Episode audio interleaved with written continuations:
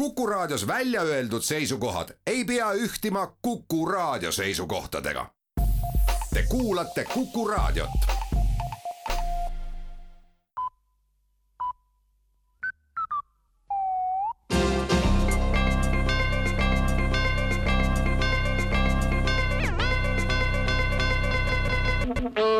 tere kuulama uudiseid stuudios Rohke Develak valitsuses oli eile koos pensionisüsteemi täiustamise töörühm ja üheks küsimuseks, mida arutati, oli lõpukirjandi teema. töörühma üheks ettepanekuks on kohustusliku lõpukirjandi kirjutamise sisseviimine kõikidele pensionile jäävatele inimestele.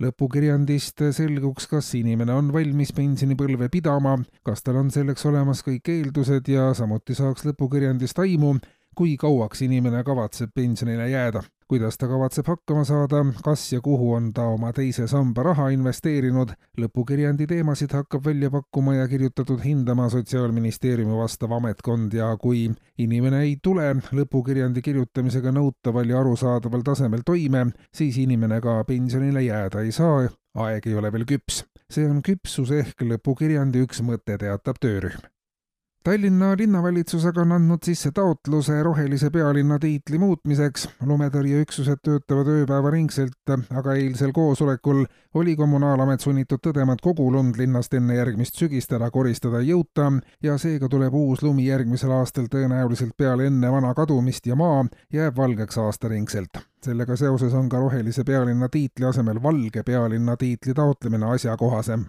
Tallinn on olnud varasemalt uuenduslike sammude loomise üks initsiaatoreid ja Valge pealinna tiitli ellukutsumine on igati loogiline samm, märgib linnavalitsus.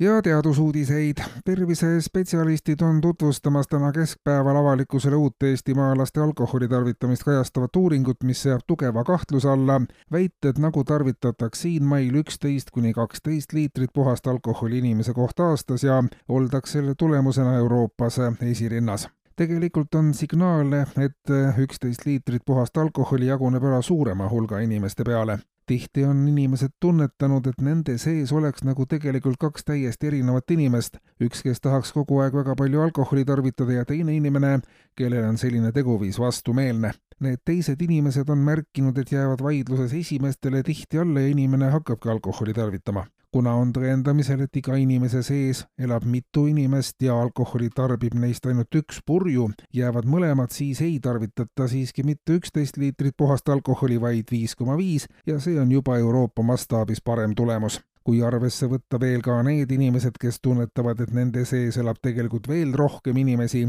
siis võib tegelikkuses ühe inimese kohta tarvitatav alkoholi kogus olla veelgi väiksem ja lõpetuseks valitsuse lumetormi erikomisjon annab teada, et kõik elanikud, kes siiani lumes kinni on või muul viisil paksu lumekatte pärast hädas, siis on seadustest tulenevalt õigus kahe nädala jooksul edasi kaevata.